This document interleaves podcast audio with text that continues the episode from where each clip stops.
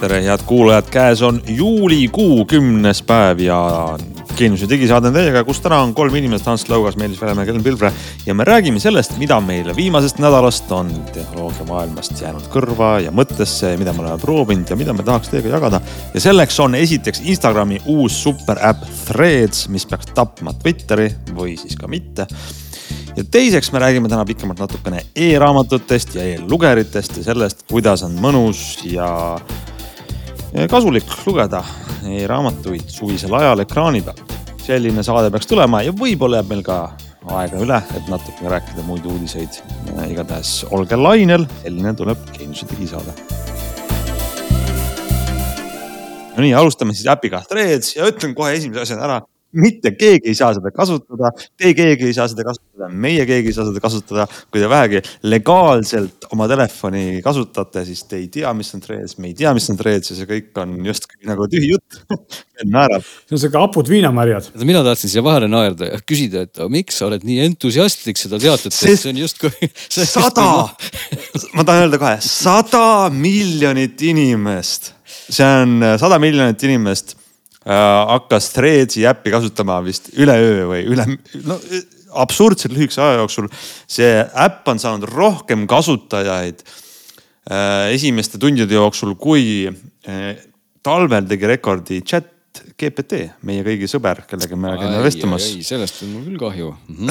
no, selles mõttes ma olin, ma olin vahepeal natukene lihtsalt eemal ja nüüd just, just jõudsin praegu eemalt tagasi ja minu jaoks on mm, -hmm. mis on juhtunud suhteliselt värske ja, ja selles mõttes no, ma ei saagi aru, miks, miks siis, miks siis nii on vahepeal juhtunud ja miks see pauk siis niimoodi käis. aga Threads, ma ütlen ära, kes nüüd ei tea, sest ja ma ütlen ka, miks te, me keegi ei saa seda kasutada. Threads on Facebooki emafirma Meta uus äpp mida tegelikult juhib mees, kes ehm, juhtis Instagrami ja Instagrami kontodega, kõik inimesed, kellel Instagrami konto, saavad kasutada Threadsi ja selle Threadsi sisu on olla nagu Twitter, et sa postitad kuni viissada tähemärki mingisuguse sõnumi, paned võib-olla väikse video või pildi juurde ja loed teiste omi. ja see on nagu, kui me korraks kujutame ette maailma, kus ei ole Twitterit, siis ta on nagu anti-Instagram, et mitte sa ei postita pilti kus on võib-olla pildi allkiri, no vaid sa postitad ainult teksti. ja see on tohutult populaarne, aga noh, kõik saavad aru, elevant toas, millest keegi ei räägi, on see, et äh, see on konkreetselt siis Twitteri konkurent. ja, ja, ja lisan selle detaili juurde, mis on väga tähtis üheski Euroopa Liidu riigis, äh, üheski äpipoes ametlikult seda praegu saada veel ei ole. aga ma nüüd ikka, ma ei lase Meelisel ka veel üldse rääkida, sest ma kasutan ise võimalust rääkida, olgugi et ma ei tea, millest rääkida, et aga kui see on Twitteri konkurent ja et miks on tal nii palju kasutajaid nii järsku, et kas, kas see on lihtsalt siis huvi või, või miks kõik seda kasutavad? seal on, selle asja nimi on Perfect Storm ja see on minu jaoks ka natukene, ma tahangi selleni jõuda, et see on mõnes mõttes natukene, eh, ma ütleks hirmutav tegelikult mingil määral, sest et teatavasti sellest ajast peale, tegelikult enne, aga eriti sellest ajast peale, kui Elon Musk Twitteri ära ostis ja seal nii-öelda kirvega kallal käib pidevalt, eks ole, siis eh, tegelikult ju paljudele ei meeldi Twitter ja kõik äh, tahavad seda kuidagimoodi ära saada kuskile mujale ja, ja tehtud on ju teisigi üritusi, et Mastodon eksisteerib ja Blue Sky eksisteerib kuskil betas, eks ole, ja, neid pisikesi on teisi veel aga ükski neist ei ole nagu tegelikult saanud väga palju kasutajaid ega ka väga palju sellist suurt meedia tähelepanu võib-olla ainult hetkeks. ja siis tuleb kodanik Zuckerberg ja ütleb, et mina tegin nüüd oma asja ja klõps neil neljakümne kaheksa tunniga sada miljonit kasutajat, eks ole, eks näitab Meta või, või Zuckerbergi isiksuse või seda jõudu, eks ole, ja see on tegelikult hirmutav. ühe sellise ühe sellise firma või, või inimese power.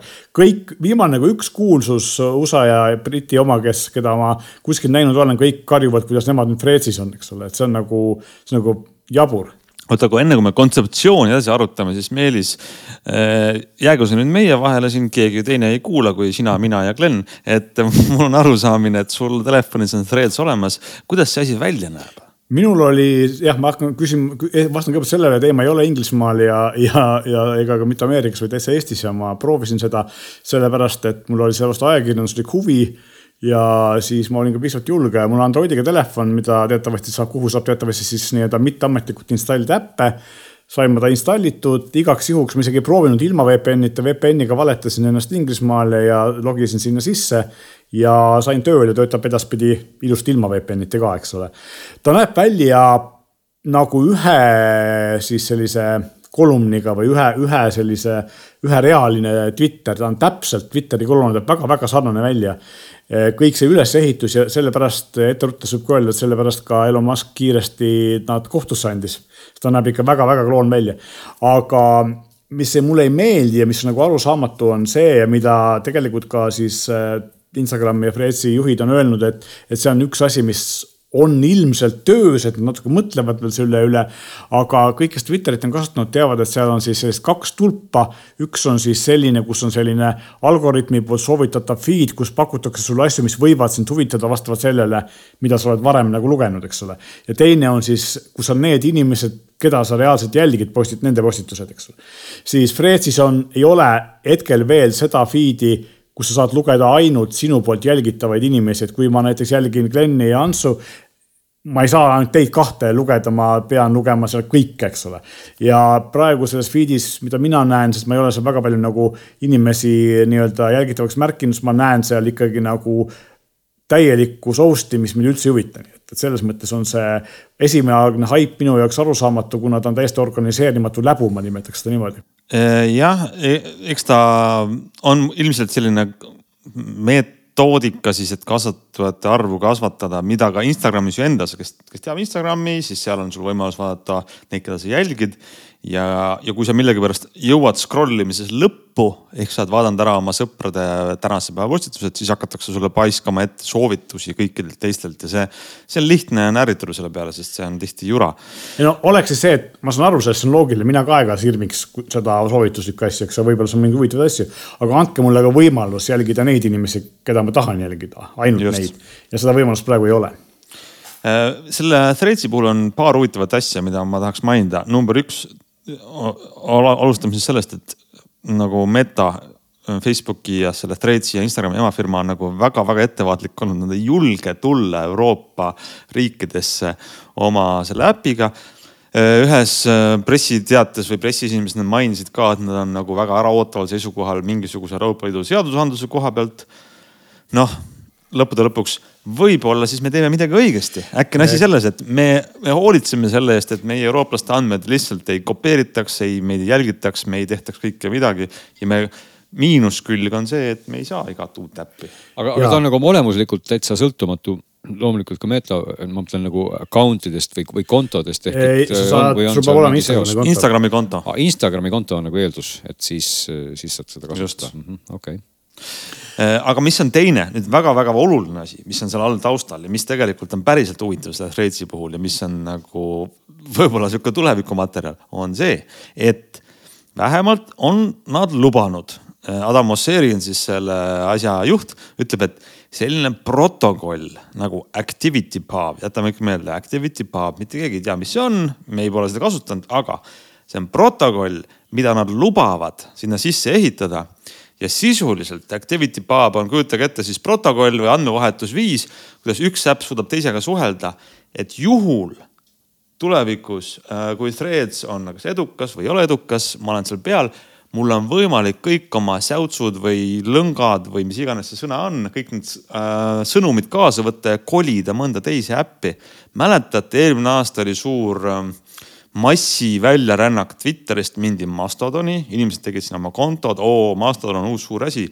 siis seesama Activity Pub peaks olema selline äh, taustal toimiv ühendus, et olgu ma seal Threadsis, olgu ma Mastodonis, ma saan kopeerida või siis äh, kloonida või edasi viia, et mu, ma ei ole kinni ühes platvormis. praegu see Thread seda ei toeta, nad lubavad selle varsti tööle panna ja kui nad seda päriselt teevad, siis tegelikult on see väga hea asi, et selline avatud protokoll, äh, kus, kui ma tahan, kasutan Threadsi, kui ei, viin kogu oma sisu mõnda teise äppi ja, ja olen nagu selles mõttes vaba. aga ma saan ikkagi ja. sinna minnes, kui ma tahaks nüüd Threadsi kasutada, kas sa, Meelis ka, kas sa tegid, kas sul oli Instagrami konto olemas ja ma pean tunnistama, et ma seal ei sobi võib-olla üldse siin sellel teemal rääkida, sest mul, mina olen üks nendest äh, viiest inimesest maailmas kellel ei ole Instagrami kontot. ja, ja seetõttu ma nagu kuidagi ei mul... tunnen ennast natukene nagu, et mis ma siin üldse siis teen, et, et kui ma nüüd ilma selle kontota tahaks Threadsi kasutada, siis ma ei saagi, tuleb välja või. sa pead tegema konto jah. aga, aga mul, mul on, aga ma ei ole, ma ei kasuta seda aktiivselt, see on mul istunud lihtsalt niimoodi niisama aastaid ja, ja sellega ma sain sinna sisse ilusti. aga seal oli ka muidugi üks aga, mida kõik ütlesid, et kui sa nüüd tahad Threadsi ära kustutada, sa saad selle teha mitteaktiivseks. kui ta ära kustutada, siis sa pead ka Instagrami konto ära kustutama, et on seotud, eks aga mis puudutab seda Euroopasse tulekut ja, ja Eestit ja, ja seda asja, siis äh, kõige see asja nimi on, eks ole, GDPR ehk siis kõik kardavad meeletut trahvi saada, kui nad hakkavad meie andmeid äh, hankima endale väga hoolega ja, ja kuskile salvestama ja tegelikult keegi juba tegi pildi sellest äh, Freetsi privaatsuspoliitikast ja seal ikkagi oli kirjas, et me kogume absoluutselt kõike, mida sa vähegi nagu mõtled või ütled või mm -hmm. isegi mida sa jah, ei ütle, vaid mõtled, eks ole, nii et, et see, see nimekiri asjadest, mida nad nagu jälgivad, oli üsna uskumatu ja võib-olla see ongi põhjus, miks nad siis siia meie kanti ei ole veel tulnud, sest Euroopa Liit seda ikka päris hoolega jälgib. ja tegelikult samal põhjusel ei ole ju meil ka siiamaani Google'i paard tehisintellekti, eks ole, mis mujal maailmas töötab, sest et samamoodi GDPR on ilmselt natukene liiga kange nende jaoks. nii on. ühesõnaga, Threads ähm, võib-olla on sellel suur mõju, aga sajad miljonid inimesed Euroopa Liidus seda kasutada legaalselt ei saa, kuni ei saa. eks siis näeme, kuidas see olukord areneb ja kas Meta leiab viisi, kuidas meie inimeste andmeid koguda no,. Samas ma ütleks, et põnev on ikkagi võtta nüüd natukene kast popkorni, istuda maha ja vaadata, mis sellest kohtuasjast saab, sest et Elon oli väga-väga närvis.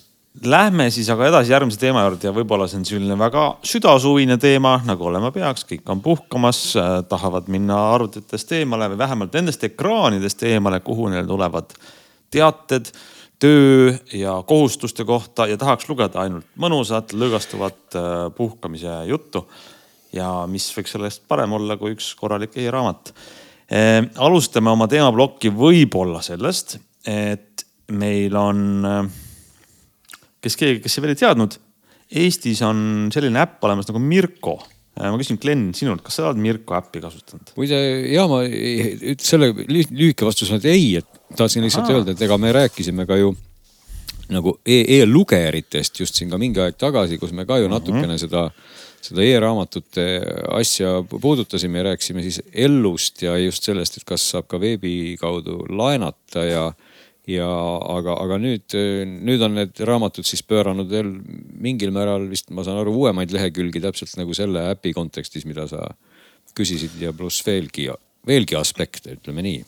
no Mirko äpp sai nüüd öö, suure uuenduse kuigi mina pean ütlema, ma ei tea, Meelis, kuidas sinuga on, mina olen Mirko kasutamises ka täiesti algaja.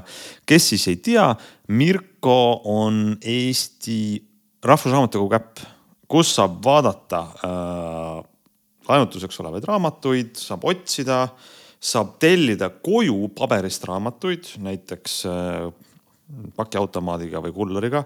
muide, pakiautomaadiga raamatu koju tellimine maksab kuus eurot tundub kallis ja kõlabki kallis, aga ju siis on see turuhind, sest et kolm eurot tuleb pakiautomaati, kolm eurot läheb tagasi, tagasisaatmine ka. aga lisaks paberraamatute tellimisele on Mirko äpp ka selline, kus saab tellida ja vaadata mm, populaarsetes žanrites e-raamatuid näiteks no mul on nüüd lahti üks raamat, miljoni dollari saladus, kus on võimalik siis ka kuulata. ma proovin, kas meie kuulajad kuulevad, kui ma panen selle mängima oma telefonist ja midagi kosta. saate aru, mis toimumas on. eessõna Jack Canfieldilt. miljardi dollari saladus no.. miljardäri jõukuse ja edu kakskümmend põhimõtet nagu te võib-olla juba aru saate, siis vähemalt Mirko äpis laenutusel olevad raamatud ei ole ähm, mingisuguse kõnesüntesaatori sisse loetud, vaid äh, päris inimene on seal taga. siin on üks aga eh,. ongi nüüd kolm varianti, eks ju, esimene on see, millest me rääkisime, et selle äpiga saab, saad sa laenutada ja tellida omale koju paberist raamatuid. lisaks on seal valik, ma nüüd ütlen äkki kolm tuhat, ma võin praegu eksida, viis tuhat e-raamatut ja siis on olemas nüüd väike valik ka audioraamatuid. Ja neid e-raamatuid saab tegelikult ka kõnesüntesaatoriga lasta ette lugeda. ma ei ole seda tegelikult jõudnud proovida, ma proovisin Elisa raamatu oma, Elisa raamatu oma oli üsna, üsna halb. Oota, aga Elisa Elisast räägime järgmiseks, ühesõnaga Mirkos on võimalik nii näitlejate sisse loetud e audioraamatuid kuulata. audio, siis... vot siin on oluline öelda just, et on olemas audioraamat ja e-raamat, eks ole, et audioraamat on see, mis on siis kohe loetud mitte tehisintellekti poolt, aga e-raamat on see, mida loeb siis arvutis, kui, kui see või noh, telefon, eks ole, kui see võimalus on sul olemas. on nii, Meelis? just ja Just. Mirko võimaldab seda teha, ma ei ole seda proovinud, aga ma ütlen, Elisa raamatul see ei ole väga hea, ma arvan, et ei ole ka Mirkol väga hea. ta ei ole kindlasti nii hea, kui ta on jah mm, -hmm. aga noh, kui sa tõepoolest, sul on, sa ei saa lugeda või ei taha lugeda ja sa tahad kuulata, siis see võimalus on olemas ja, ja tegelikult äh, see on, see on nagu üks, üks võimalus, mida sa siis saad teha, eks ole, et, et iseenesest äh, kahjuks ju ja noh, paratamatult loogiliselt on audioraamatuid Eestis ikkagi endiselt väga vähe. see turg on arenenud ja ilmselt siia me kohe järgmises teemas ka jõuame, et mis seisus see turg praegu on, aga, aga iseenesest äh, see on nagu positiivne areng ja muidugi eriti positiivne areng on see see, et kui me siiamaani saime ikkagi raamatukogust enamasti laenutada vähemalt lihtsalt ja mugavalt nii-öelda ainult paberraamatuid, siis nüüd on ka võimalik äh, laenutada nii e-raamatuid kui audioraamatuid ja see on ja lisaks on siis selle, see, et meil on olemas nagu telefonil sõbralik äpp selle jaoks, et me ei pea enam arvutiga seda tegema nagu vanasti. et minu jaoks oli ka see üllatus, ma nägin seda pressiteadet, et Mirko on saanud uuenduskuuri ja siis ma kohe läksin uurima, siis tuli välja, et, et see äpp on vana, vana versioon olnud iOS-il olemas juba septembrist ja Androidile selle aasta veebruarist ja mina sain sellest teada alles nüüd läbi, tänu sellele pressiteatele, eks ole, nüüd ta läbis mõlemal seadmel uuenduskuuri. No arvata on, et on väga palju inimesi, kes võib-olla üldse ei tea, et see olemas on äpp, nii et, et vaadake oma telefonis, otsige Mirkot ja võib-olla no Meelis, sa mainisid seda kitsaskohta tegelikult. Eestis on väga palju raamatuid, mis ma arvan, kirjastatakse niimoodi, et see fail on arvutis, aga tegelikult me ei saa seda e-raamatuna lugeda, onju. kõige jaburam on jah see, et mina käisin äh, hiljuti, ma olen ise mitu korda käinud raamatupoes ja näinud raamatut, mida ma tahaks e-raamatuna osta ja ma ei saa ja siis ma olen jõudnud järeldusele, vaadates nagu neid väljaandjaid ja kirjastajaid, on terve hulk kirjastajaid, kes põhimõtteliselt ei anna e-raamatuid välja. miks nad seda ei tee, arusaamatu, noh okei okay,, ma saan aru, et see e-raamatute turg versus paberraamatutega, eriti Eestis on nagu üliväike, see on pea olematu, eks ole, see paar protsenti võib-olla. aga teistpidi on jälle see, et kui sul paberraamat saab otsa ja sa müüd selle tiraaži lõpu maha ja, ja inimene ei taha seda osta, siis sa saad e-raamatu eest küsida ka kümme aastat hiljem kakskümmend viis eurot, sest kui see on nagu haruldane, inimesed päriselt kost tahab, eks ole, siis ta maksab selle raha. et selles mõttes see võib-olla ei ole nagu väga halb idee.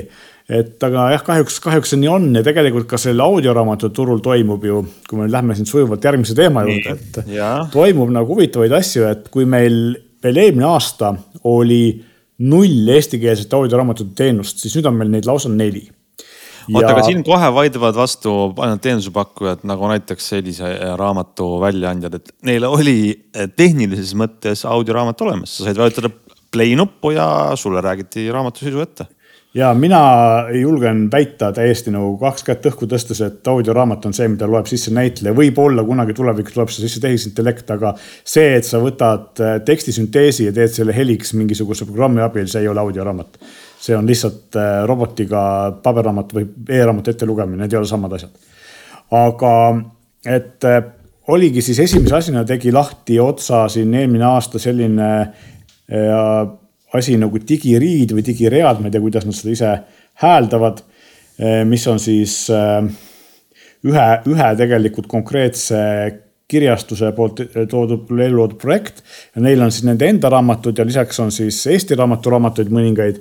Eh, teisena tuli sellega välja tegelikult välja kuulutas selle eelisraamat, et nemad toovad e-raamatud juba või audioraamatud juba siis eelmise aasta siin sügisel.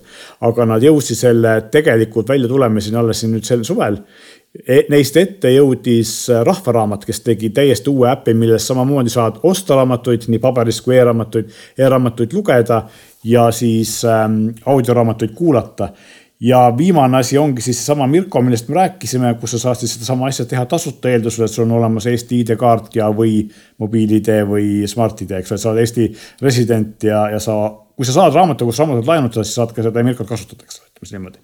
aga nüüd ma küsin kohe siia sellise küsimuse kuulajate nimel vahele, et, et kui see Mirko oli nüüd äpp, mis võimaldas siis laenata nii e-raamatuid, paberraamatuid kui audioraamatuid. siis need, kas need teised äpid on nüüd kuidagi siis limiteeritud ainult audioraamatutega või on seal siis ka e-raamatud ja see kõik on, tundub üha segasem, mida. see on väga segane, see ongi väga segane ja esiteks on siis see, et digiread kui selline on ainult puhtalt minu teada hetkel ikkagi audioraamatute no, äpp mm. -hmm. Elisa raamat alustas ma korraks segan vahele, et rääkida digiread äh, sellest veel eest, et anda siis kuulajale väike arusaamine, mis see digi, digiread on.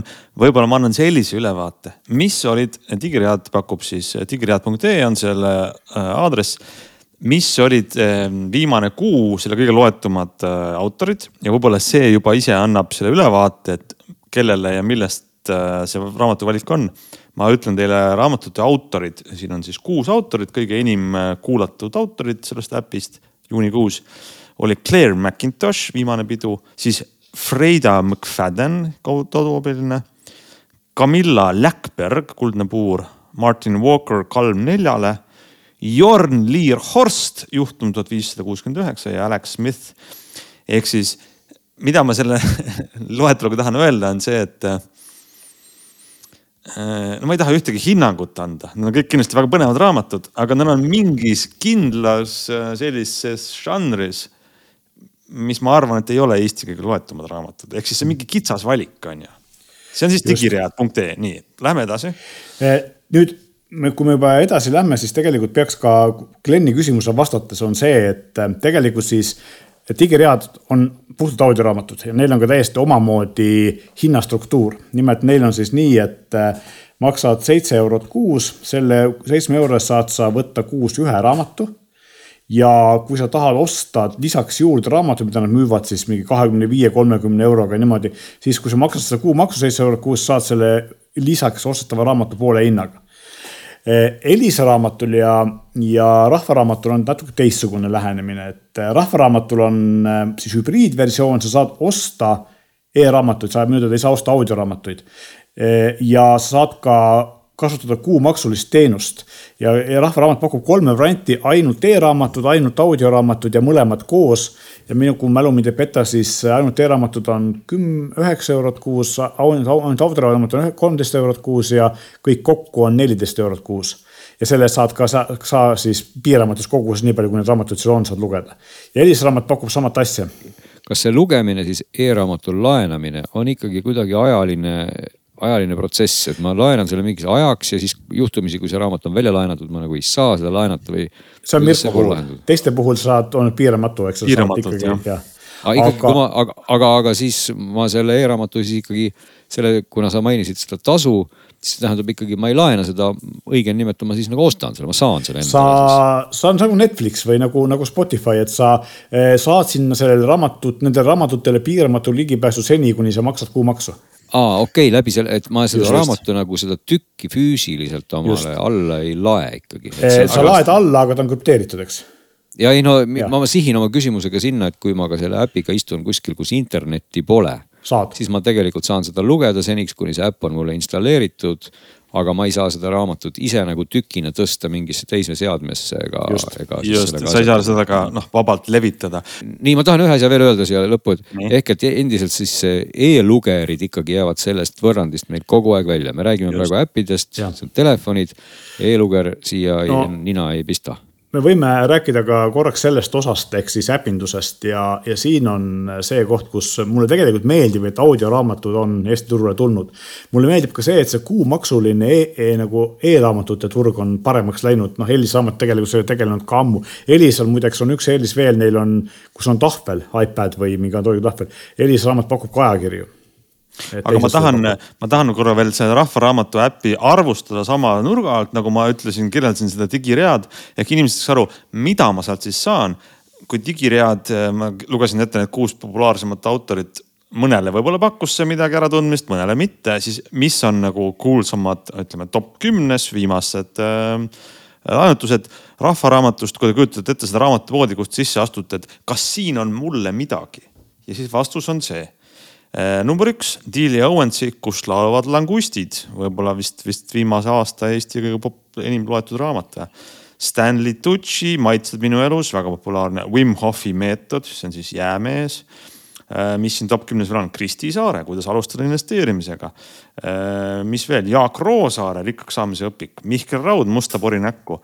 mida ma tahan öelda, see on, et see raamatuvalik on kindlasti laiale Eesti lugejaskonnale palju tuttavam, on ju, ja, ja audioraamatutena noh äh, kõnetab rohkem. ja et just eriti, et äh, kus laulavad langustid, mida loeb äh, Evelin Võigemast ja ka Stanley Tutsi raamat, mida loeb Andero Ermel.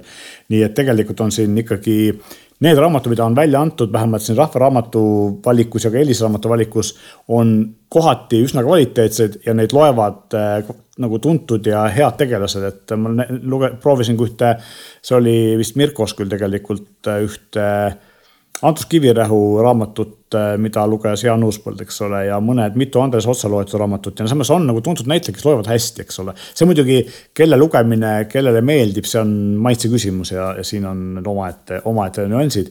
aga jah, et, et tegelikult siis kaks neist on äh, nii-öelda kuumaksupõhilised ja saad valida, kas sa tahad ainult e-raamatuid või ainult audioraamatuid või mõlemaid. ja muidugi Rahvaraamat võimaldab siis ka ikkagi e-raamatuid osta päris endale, audioraamatuid minu teada mitte, aga audioraamatute päris endale ostmine ei ole ole ka välismaal äh, tegelikult väga, noh, ta, ta on olemas, aga, aga neid väga tihti ei osteta, neid ikkagi kasutatakse, reeglina tarbitakse kuumaksulisena. digireadi puhul on see, et sa, kui sa maksad seitse euri kuus, sa saad need raamatud omale päriseks pärast, kui sa. aga, aga audioraamatu nagu tarbimise puhul siis, et äh, võib-olla seda võiks ka nagu seletada, selgitada selle nurga alt, et äh, mina kui rumal kuulaja praegu küsiksin, et, et kui ma seda audioraamatut kuulan, kas mul on võimalik jätta seal ka selliseid nagu markereid panna, noh stiilis nagu ma e-lugeriga saan panna, et noh, mingi võib-olla mingid leheküljed, mingid kohad justkui ära märkida, ma tahan sinna tagasi hüpata. või, või kuidas see audiovorst minu jaoks on, on pärast hallatav, kui ma unustan äkki mingi koha ära, et kuidas ma selle siis kätte saan, ma, seal on ikkagi mingid leheküljed kuidagi ja ma saan kõike seda süstematiseerida yeah ma vaatan praegu, hetkel on mul avatud see Rahvaraamatu äpp ja siin saab küll muuta kiirust ja saad valida peatükki ja saad hüpata edasi-tagasi, aga ei saa jätta, ei saa jätta minu teada siis sellist järjehoidjat. unetaimeri saad panna, aga ma tean, et välismaistel sellistel sarnastel asjadel on reeglina olemas selline asi, ma kohe vaatan, kuidas teistel on, et ma ei jätnud seda endale meelde. ütleme, kui ma oleks tarbijana, tahan audioraamatut kuulata või, või noh, kuulan mis tahes asju, podcast'e või mida iganes. siis tegelikult ju väga elementaarne on see, et, et ikkagi see sõnaline koht jääb sulle siis kas viimati sinna alles. või on võimalik see kuidagi sul kasvõi järjekorraks moonduda, sest ei ole enam frustreerivamat asja, kui võib-olla mingi pikk raamat, mis hüppab sul juhtumisi siis täitsa kuskile algusesse või lõppu ja siis sa pead hakkama ja. seal kuskil peatüki sees sobrama, eks ole. frustratsioonidest rääkides, see on veel kõige väiksem asi. ja, ja siinkohal ma pean tegelikult ütlema seda, et äh, võib-olla Hans oskab öelda, et kui sul on asjad installitud, äh, mina kasutasin neid äppe Androidi peal, ma ei oska öelda, mis kogemus on iOS-iga. Androidi peal ma tungivalt, kui mõni neist äppide tootjatest peaks kuulama, siis palun hankige endale arendajaid, sest et see, mis seal toimub, on noh ma ütleks, et selles mõttes, et tegelikult äpi arendamine ei ole nii keeruline, eriti kui sa teed sellist lihtsat meediaäppi, sest et. Meelis, aga oota, ära, ära räägi, et äpi arendamine keeruline, räägi, mis seal on siis halvasti no,. et miks see frustratsioon on? toon näiteks sellise näite, põhiline asi on see, et, et äh, mulle tundub, et nad on äh, teinud need äh, lisanud selle audio osa oma põhiäppi ilma läbi mõtlemata, mis see audio osa võiks olla, et noh, üks asi, mis ongi puudu, on need märkmed või selle nii-öelda järjehoidjate panek, eks ole, aga just, just. Eh, näiteks on see, et kui ma võtan lahti äh, raamatu, Elisa raamatust, panen ta mängima, siis kui te nüüd kujutate ette, telefonil on olemas see widget või see vidin, kus saad juhtida edasi-tagasi kerida, eks ole, nii edasi teha mm. -hmm. juhul, kus telefon on lukus või kui sul ei ole seal äpis sees. sellisel raamatul on selle koha peal olemas ainult üks nupp, see on paus. play paus. sa ei saa minna edasi, sa ei saa minna tagasi sa pead ehm, kuulama selle kuus tundi kohe otsast lõpuni. sa võid korraks käia. Elisa raamatul. aga see tundub uskumatu natuke. ja Elisa raamatul on olemas edasi-tagasi mineku nupud, aga kui enamusel teistel audioraamatute podcast äppidel edasi-tagasi nupud on tavaliselt hüppavus edasi kolmkümmend sekundit, viisteist sekundit, midagi sellist, eks ole. siis äh, Rahvaraamatu äpil edasi-tagasi nupud lähevad järgmise peatüki peale. ja täpselt sama asja teeb ka Mirko. ehk siis just, et kuna ma ei saa panna ka sinna nii-öelda seda märkmeid või neid järjehoidjaid, siis see on tegelikult ikkagi see, see tehniline teostus on hästi nutune. üks asi, mis mind üldse ei huvita, aga ma tean, et väga paljusid inimesi väga huvitab, on see, et kõigil neil on olemas kiiruse reguleerimine. see on asi, mida mina mitte kunagi pole kasutanud ei podcast'i ega raamatute puhul ja ma, ma vihkan seda kogu hingest, aga, aga ma tean, et väga paljud seda kasutavad, panevad raamatud kahekordse kiirusega käima ja, ja siis nad on õnnelikud. see on kõigil olemas aga millegipärast jah, neid järjehoidjaid ei ole ja siis äh, edasi-tagasi hüppamine on noh, olematu. ja vahest on ka siin, ma mõned asjad, ma tõmb-, kui ma alla tõmban mõned raamatud, siis ta ütleb, et äh, ühesõnaga ta hüpp-, kuidagi hüplik on see kogu see asi ja ta kuidagi nende peatükkide vahetus käib nagu nad on ilmselt eraldi failidena ja see faili vahetus võtab ta, võtab ta jõnksutama, eks ole, et. et siin on nagu selliseid äh, noh, asju, mida saaks nagu päris kiiresti ilmselt välja rabida, kui nad välismaiste e-raamatute äppidel selliseid probleeme ei ole, eks ole no eks, eks siin küsimus muidugi taandub ka tõesti sellele, et, et palju on Eestis neid tarbijaid tõesti, kas ka selle teenuse eest maksavad ja siis ka seda e-raamatut loevad ja, ja sest ilmselgelt seda võib öelda küll, et äppi on lihtne arendada, aga ega tegelikult audiofailis nüüd ikkagi sellist markeeringute süsteemi luua noh, liiga, liiga lihtne, liiga võib-olla toimivana liiga lihtne ei pruugi tegelikult üldse olla, et see oli iseenesest üsna kiuslik küsimus, et, et kas saab panna selliseid virtuaalseid peatüki või, või noh, neid, kuidas ma ütlen, alla joonida nagu audioraamatu teksti kohti ja. et võib-olla seda tõesti ei olekski vaja, aga, aga kindlasti nagu sa Meelis ütlesid ka need, need edasi-tagasi kerimise nupud, et need on küll asjad, mis ka tihti ka minul mingi podcast'i player ites, et ajavad närvi erakordselt mustaks, sest et sa kunagi ei tea, mida see nupp parajasti teeb, et kas see edasi kerimine kerib edasi siis audiot, mis tundub tegelikult mulle alati kõige sõbralikum, et see oleks nagu hästi sihuke lihtne lahendus, et kui ma vajutan seda nuppu, siis lihtsalt hakkab keegi rääkima sellise kiirusega ja, ja ma tean, et ma ikkagi jään sinna oma hallatavasse alasse kuskile. aga juhtumisi, kui see nupuvajutus valib mulle järgmise peatüki või veel hullem järgmise raamatu, siis nagu on, kõik on läinud, eks ole, et see minu asukoht on läinud ja ja et, et selles valguses on see, see on see igal juhul audio puhul peaks olema väga selgelt need nupud hallatud, neid võiks olla seal lausa rohkem, et. et pange sinna keskele play nupp ja siis on seal ääres näiteks kerimise nupp ja natuke veel lähte paremale on siis mingi veel kiirem nupp ja siis on seal veel üks kolmas nupp, mis valib peatüki, et. et saab nagu väga kindlasti siis kasvõi seal sõna või, või lause kaupa asju äh, kerida, eks ole. just ja no lisaks ongi siis see, et kõik, kuidas see asi välja näeb, et Rahva Raamatul on iseenesest tehtud see äpp nagu ilus, ta on, ta on disaini poolest ilus mm. -hmm. aga ta funktsionaalsuse poolest nuppude asetused ja asjad ei ole kõige, kõige paremad. Elisa raamatul on nad suhteliselt kehvad ja, teistel siin Mirko ja Digiriidil on ta ikkagi nagu päris selline, et väike laps on sinna kallale lastud. aga siinkohal nüüd ikkagi me kogu aeg, ma tulen jällegi selle juurde tagasi, me räägime kogu aeg äppidest, me räägime telefonidest, me räägime tahvlitest kogu sellest jutuajamist jäävad ikkagi välja ju e-lugerid, sest et neil seda Androidi ega iOS-i sellisel kujul ei ole. ja, ja nendega ikkagi me loeme raamatuid siis endiselt noh, täpselt nii vaevaliselt või vähem vaevaliselt, nagu me kunagi rääkisime. saab ka e-lugeritega kuulata nagu raamatuid, aga sellisel juhul siis me kasutame just seda kõnesüntesaatori poolt, et, et see ei ole see audioraamat, mis siis on ja, näitleja sisse loetud audioraamat. sellest poolest ka natuke rääkida, kõigepealt ma tahaks jõuda nagu lõpuks veel selle asjani, mis puudutab just seda, nagu Glen ütles, et siin on tegelikult on probleem ka selles, et just selles eksklusiivsustes ja mida siis nad pakuvad, et kas kõik pakuvad sama asja või pakuvad erinevat asja ja. me ennem küsisime tegelikult ennem kui meil, meie lint ei käinud, et, et pigem oli küsimus selles, et kui, kui oli jutuks, et neid e-raamatu pakkujaid on tekkinud äkki või audioraamatu pakkujaid on siin justkui jutumärkides üleöö tekkinud mitu tükki korraga, oli siis minu küsimus selline, et aga, et kas nad kõik konkureerivad siis selle sisu tootmisega teineteisega ehk et, et piltlikult, kas kõik palkavad siis seda sedasama nimekat näitlejat omale eraldi lugema oma raamatut või on neil siis kuidagi juurdepääs ikkagi samale raamatule.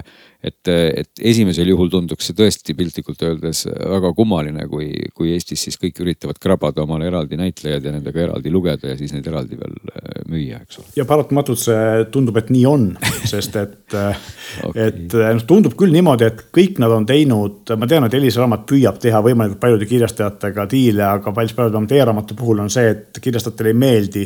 pärast sellest nad tahavad neid välja anda, aga neile ei meeldi ka see, et inimestele antakse selle kuumaksu eest nii-öelda, mitte nad ei, ei sunnita neid välja ostma. aga teine asi on see, et tõepoolest kõigil neil tundub olevat lepingud mõnede üksikute kirjastustega ja teiste kirjastuste omasid neil ei ole, mis jälle on konkurendil olemas, ehk siis kui sa tahad nagu tõepoolest saada valida kõigi Eestis olemasolevate, nii vähe kui kokku on, võib-olla mõnisada e-raamatute seast, sa pead paratamatult tegema endale kõigi nende kolme asja tasulise tellimuse, mis läheb väga kalliks. ja siinkohal ma tahaks küll öelda, et palun tehke niimoodi, et jagage neid asju ja võistelge, konkureerige oma lisavõimaluste ja muude asjade pärast, aga, aga eksklusiividega Eesti turul, nii väiksel turul ei, ei, see ei lenda. ja see tähendab siis nagu praegu seda, sa ütled, et nendes äppides on põhimõtteliselt erinevad, suures osas siis raamatud ei kattu, vaid nad on erinevad audioraamatud on erinevates äppides. aga, aga siin muidugi tekib üks, üks teine nagu punkt kindlasti ka veel, millele võib ju tähelepanu korraks pöörata. ehk et, et kui kirjastusel iseenesest vähemalt niimoodi kaugelt vaadates võiks ju olla lihtne anda välja siis nii e-raamatut kui trükitud raamatut, sest tal on see fail digikujul olemas, siis tegelikult audioraamat lisab siia sellise huvitava mõõtme, et kuna audioraamatus ei piisa ainult audiost, vaid ka olulise osa moodustab nagu see metainfo, mida mida, mida, mille hulka ma siis nimetaksin just need peatükid, võib-olla selle kerimisvõimaluse. siis hakkab siin tekkimagi kohe selline kummaline vastuolu, et kui kirjastajal on olemas äkki ka audioraamat ehk kui kirjastaja justkui palkab selle näitleja kohe, saab omale ka audioraamatu, siis tegelikult astub ta kohe ühe sammu põhimõtteliselt hoopis, hoopis nagu oma äpi poole, mis, mis on ka nagu omamoodi kummaline, eks ole, et kui praegu on üks äpp, kes üritab mitmelt kirjastajalt võtta sisu. aga kui nüüd see kirjastaja on toodud audioraamatu, siis ta ei saa kuidagi sellele äpi tootjale anda mingit audioraamatut lihtsalt ühe suure nagu piltlikult MP3 failina. ja öelda siis noh, ole siis vaata ise, kuidas sa seda lõikad ja mida sa sellega teed, siis see on sihuke poolfabrikaat jälle. et siin natuke hakkavad minema risti sellised tehnoloogilised nüansid samuti, mis tegelikult kogu seda kogu seda protsessi ajavad veel, veel omamoodi segasemaks, et kes siis lõpuks saab selle õiguse, kes selle sisse loeb. kui keeruline on seda tehniliselt teostada ja kuidas siis seda sisse loetud vorsti või helifaili siis, mis siis jagada või kes seda üldse mis kujul jagab, sest et selle äpi arendus sobiks teha sellel samal, samal firmal, samal üksusel, kes seda juba ka sisse loeb, et vot selline pikk segane jutt küll, jah. tegelikult on ju niimoodi, et, et see ei ole nagu, võib-olla see on tõesti raske ja kallis ja keeruline, aga see ei ole mitte võimatu, et äh, välismaised äh, näited on meile näidanud mitte ainult siis äh, muusika puhul, kus, eks ole, sama faili samalt esitajalt on olemas kõigis võimalikes erineva krüpteeringu ja erinevate asjadega teenusepakkujates, aga ka raamatute puhul. et ma tean konkreetselt audioraamatuid, mis on olemas, mis on tegelikult siis loetud sisse kirjastaja poolt või kirjastaja poolt palgatud stuudio poolt ja see on olemas nii Audible'is, nii Google Play's, nii iTunes'is, kus iganes veel, eks ole, kes audioraamatut pakub. Audible, audiobooks.com'is ja ilmselgelt kõigil neil on mingid omad DRM-id ja asjad, ilmselgelt ikkagi antakse fail ja nemad siis teevad sellega. võib-olla siis jah, nemad asju. siis seda kuidagi ja. indekseerivad. ja ma olen päris kindel, et see on automatiseeritud, eks ole, see, see ei ole käsitöö neil. aga, aga tegelikult ma siin näiteks võin öelda, kui te küsisite, et mis raamatud, kuida-, kellel on ja kuidas on, siis sama äh, populaarne Kus laulavad langustid või langustid. Eh, see on olemas Rahvaraamatus nii e-raamatu kui audioraamatuna, Elisa raamatus ainult e-raamatuna ja eh, digireadis seda ei ole. nii et, nii et sellist nii. võrdlusmomenti siis üldse ei ole, tuleb välja, et, et oleks nagu sama audioraamat mitmel pakkujal lausa või, või siis. ma üritan otsida ja võib-olla me järgmisel saan sellest rääkida. Minu, see teema on ka minu jaoks päris värske, aga, aga seni ma ei ole leidnud. siin oleks tõesti huvitav koht, et kas siis võime lõpuks leida ühe ja sama raamatu, kes on veel loetud sisse noh, erinevate inimeste või robotite poolt siis ütleme. ma olen päris kindel, et, et kui me leiame sama raamatu, siis me leiame ta ikkagi samade inimeste poolt, kuna reeglina seda haldab kirjastus ja kirjastus palkab inimese. võime seda leida erinevatelt platvormidelt, aga ma usun, et kuna see sisselugemine on esiteks väga kallis töö selle poolest, et see näitleja aeg, et see ei ole odav ja selle pärast eh, nii-öelda töötlemine on eh, samamoodi, Glen teab seda eriti hästi, eks ole, et neljakümne tunnise raamatu töötlemine, see on väga suur töö.